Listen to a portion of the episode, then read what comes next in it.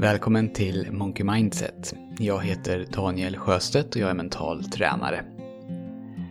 En forskare som heter Sally Linkenauger publicerade 2011 en studie som hon hade gjort med golfare.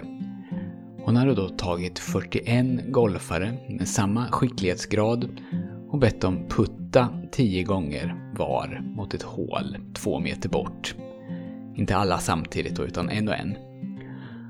Och innan de gjorde någonting så delades de här golfarna upp i två grupper.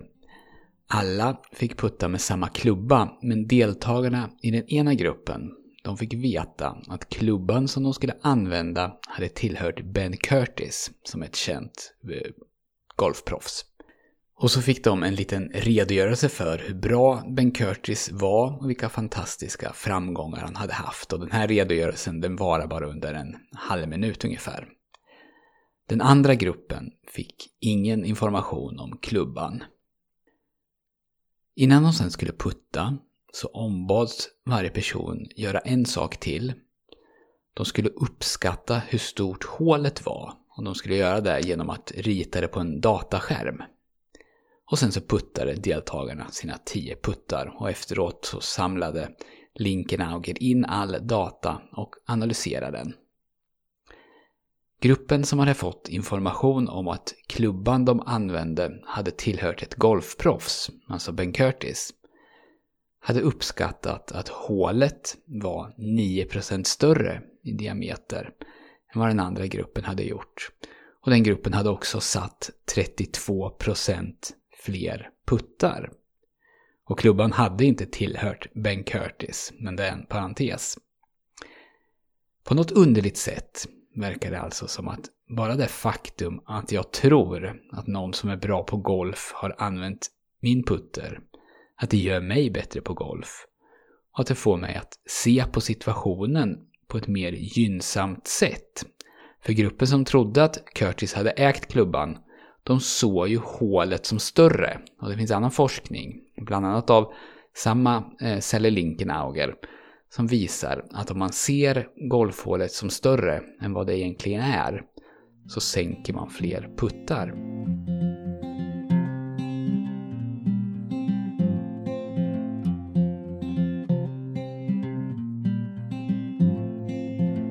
I ett annat experiment så lät en forskare som heter Alison Wood Brooks 113 personer sjunga eh, gruppen Journeys låt Don't Stop Believing. Och de fick sjunga den en och en också då. Och hon delade in personerna i tre grupper. En grupp, de ombads bara att sjunga. En grupp ombads att precis innan de skulle sjunga högt säga orden I am so anxious. Och anxious, det betyder ungefär rädd, ängslig, bekymrad. Den tredje gruppen, de ombads att högt säga I am so excited precis innan de skulle börja sjunga. Och excited i det här sammanhanget betyder ungefär förväntansfull, ivrig eller exalterad. Sen så sjöng personerna låten och de använde ett eh, karaoke-tv-spel för att mäta hur det gick. Ett tv-spel som mäter till exempel tonträff och rytm enligt en procentberäkning och högsta poäng det är då 100%. Gruppen där de inte hade sagt någonting utan bara hade sjungit de fick 69%. Gruppen som hade sagt I'm so excited de fick 80%. Och gruppen som hade sagt I am so anxious fick 53 Brooks hon följde upp de här studierna med två andra studier. En som handlar om att hålla föredrag på jobbet och en studie som handlar om att lösa komplicerade mattetal. Och grupperna som sa I'm so excited presterade bättre än grupperna som inte sa någonting och grupperna som i olika ordval sa att den var ängslig eller nervös. Och en intressant sak till som kom fram i den här studien, men som jag nog inte kommer prata om så mycket nu, men kanske återkommer till, det var att I am so excited-gruppen även presterade bättre än grupper som inför föredrag sa till sig själva att de var lugna.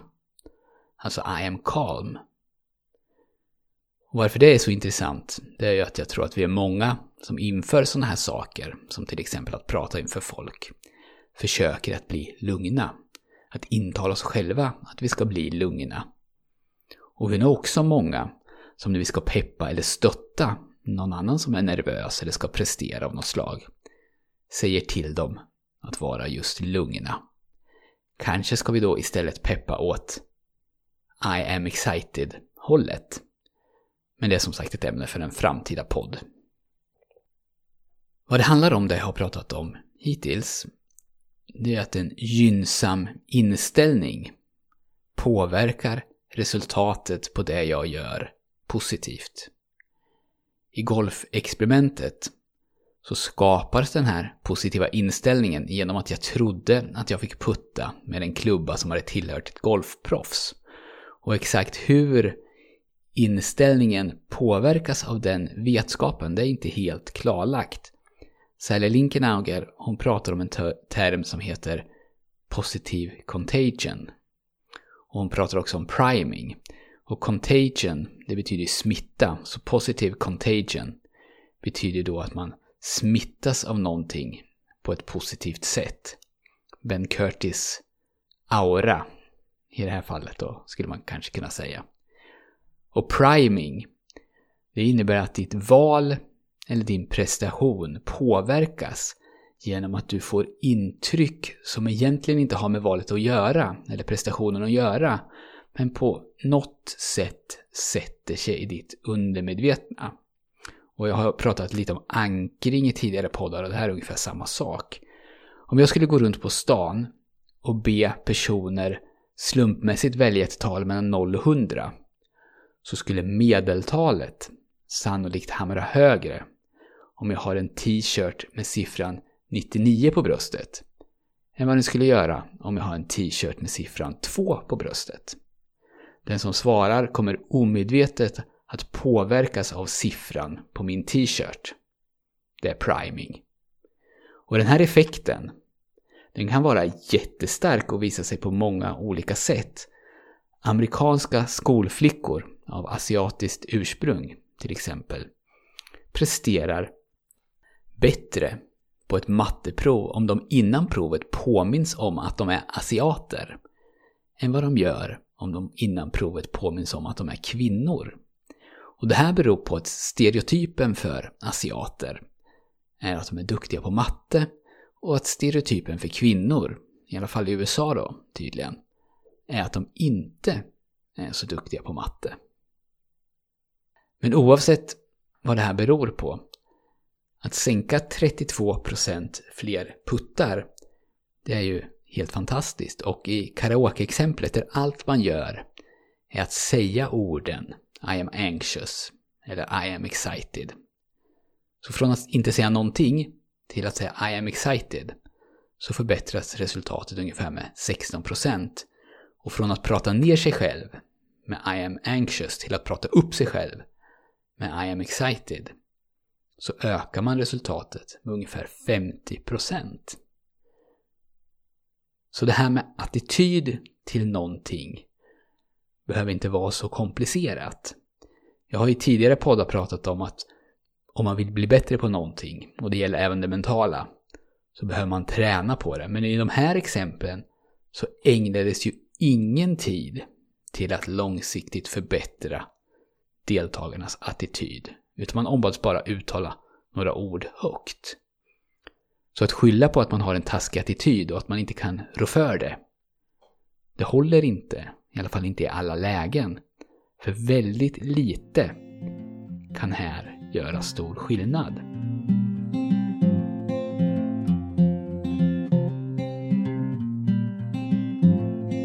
Så varför används då inte de här kunskaperna i större utsträckning? Varför jobbas det inte ännu mer med det här? För det första så tror jag att det beror på att det är flum. I mångas ögon så är det bara flum. Och om man inte tycker att det är flum så är man rädd att andra ska tycka det och man vill inte vara den på jobbet som kommer dragandes med en massa flum. Man vill vara den som kommer med hårda fakta. Om vi köper det här nya projektledningssystemet så kommer produktiviteten att öka med 25%. Det går att se i det här Excel-arket som jämför ledtider mellan det gamla systemet och det nya. Ett sånt argument köper alla. Det är hårda fakta. Det är lätt att se var exakt vinsterna dyker upp, både i tid och i pengar. I alla fall i teorin. Mjuka värden är svårare att sälja. Om vi bara skapar en arbetsplats som främjar glädje och ansvarstagande där positiva handlingar från en medarbetare smittar av sig på andra så kommer produktiviteten öka med 32%. Den meningen, gissar jag i alla fall, inte är lika lätt att få med ledningen på. Och om pengar ska sparas så är det antagligen lättare att dra in på de här attitydskapande trivselåtgärderna som inte är så lätta att mäta. Även om det i förlängningen kanske leder till ökade kostnader på grund av minskad produktivitet och kanske också ökad stress, vantrivsel och en massa sjukskrivningar.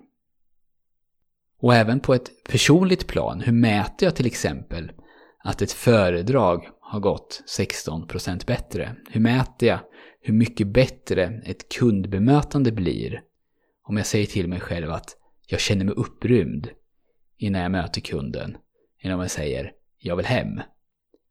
Och om det går bättre, hur kan jag härleda det till de här orden?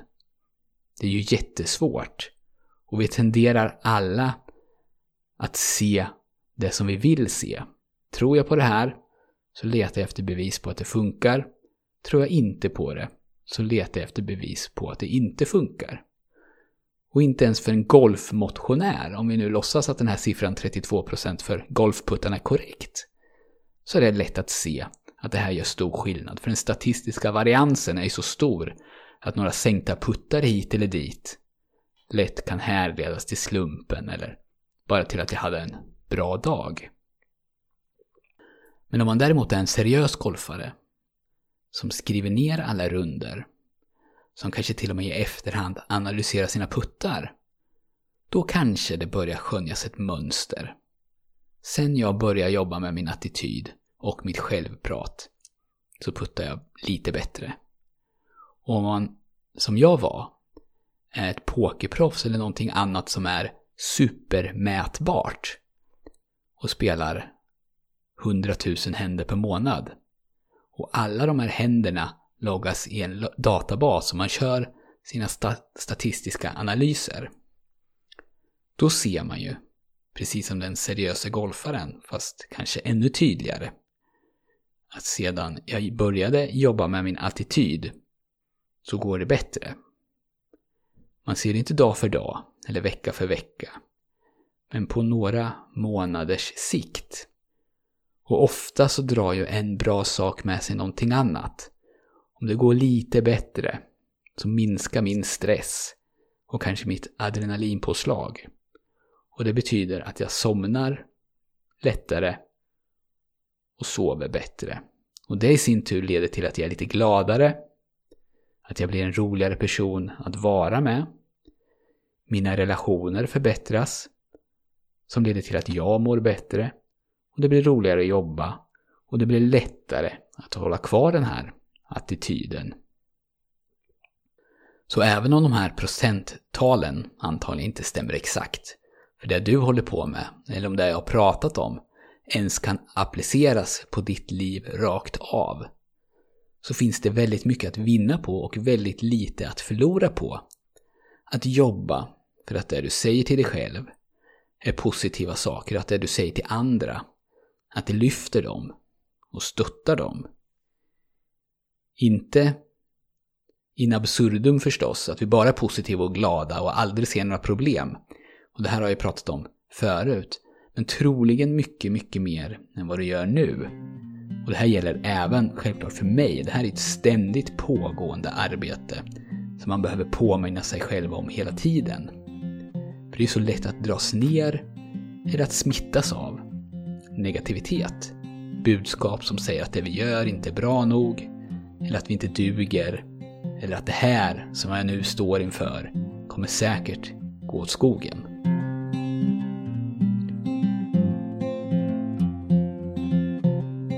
Jag hoppas att jag med det här avsnittet har gett dig några nya tankar. Någonting som du kan ta med dig. Jag är som jag sa i början mental tränare och jag har satt ihop ett litet paket bestående av fyra ljudfiler med instruktioner för dig som är nyfiken på mental träning och vill testa. Och det här kostar ingenting. Om du går in på monkeymindset.se och anger din mailadress i den röda rutan så skickar jag dig tillgång till det här paketet. Och då handlar det först och främst om att lära sig slappna av riktigt ordentligt i både kropp och sinne. Och så jobbar vi vidare därifrån med självkänsla och målbilder. Stort tack för att du har lyssnat. Jag hoppas att vi hörs snart igen.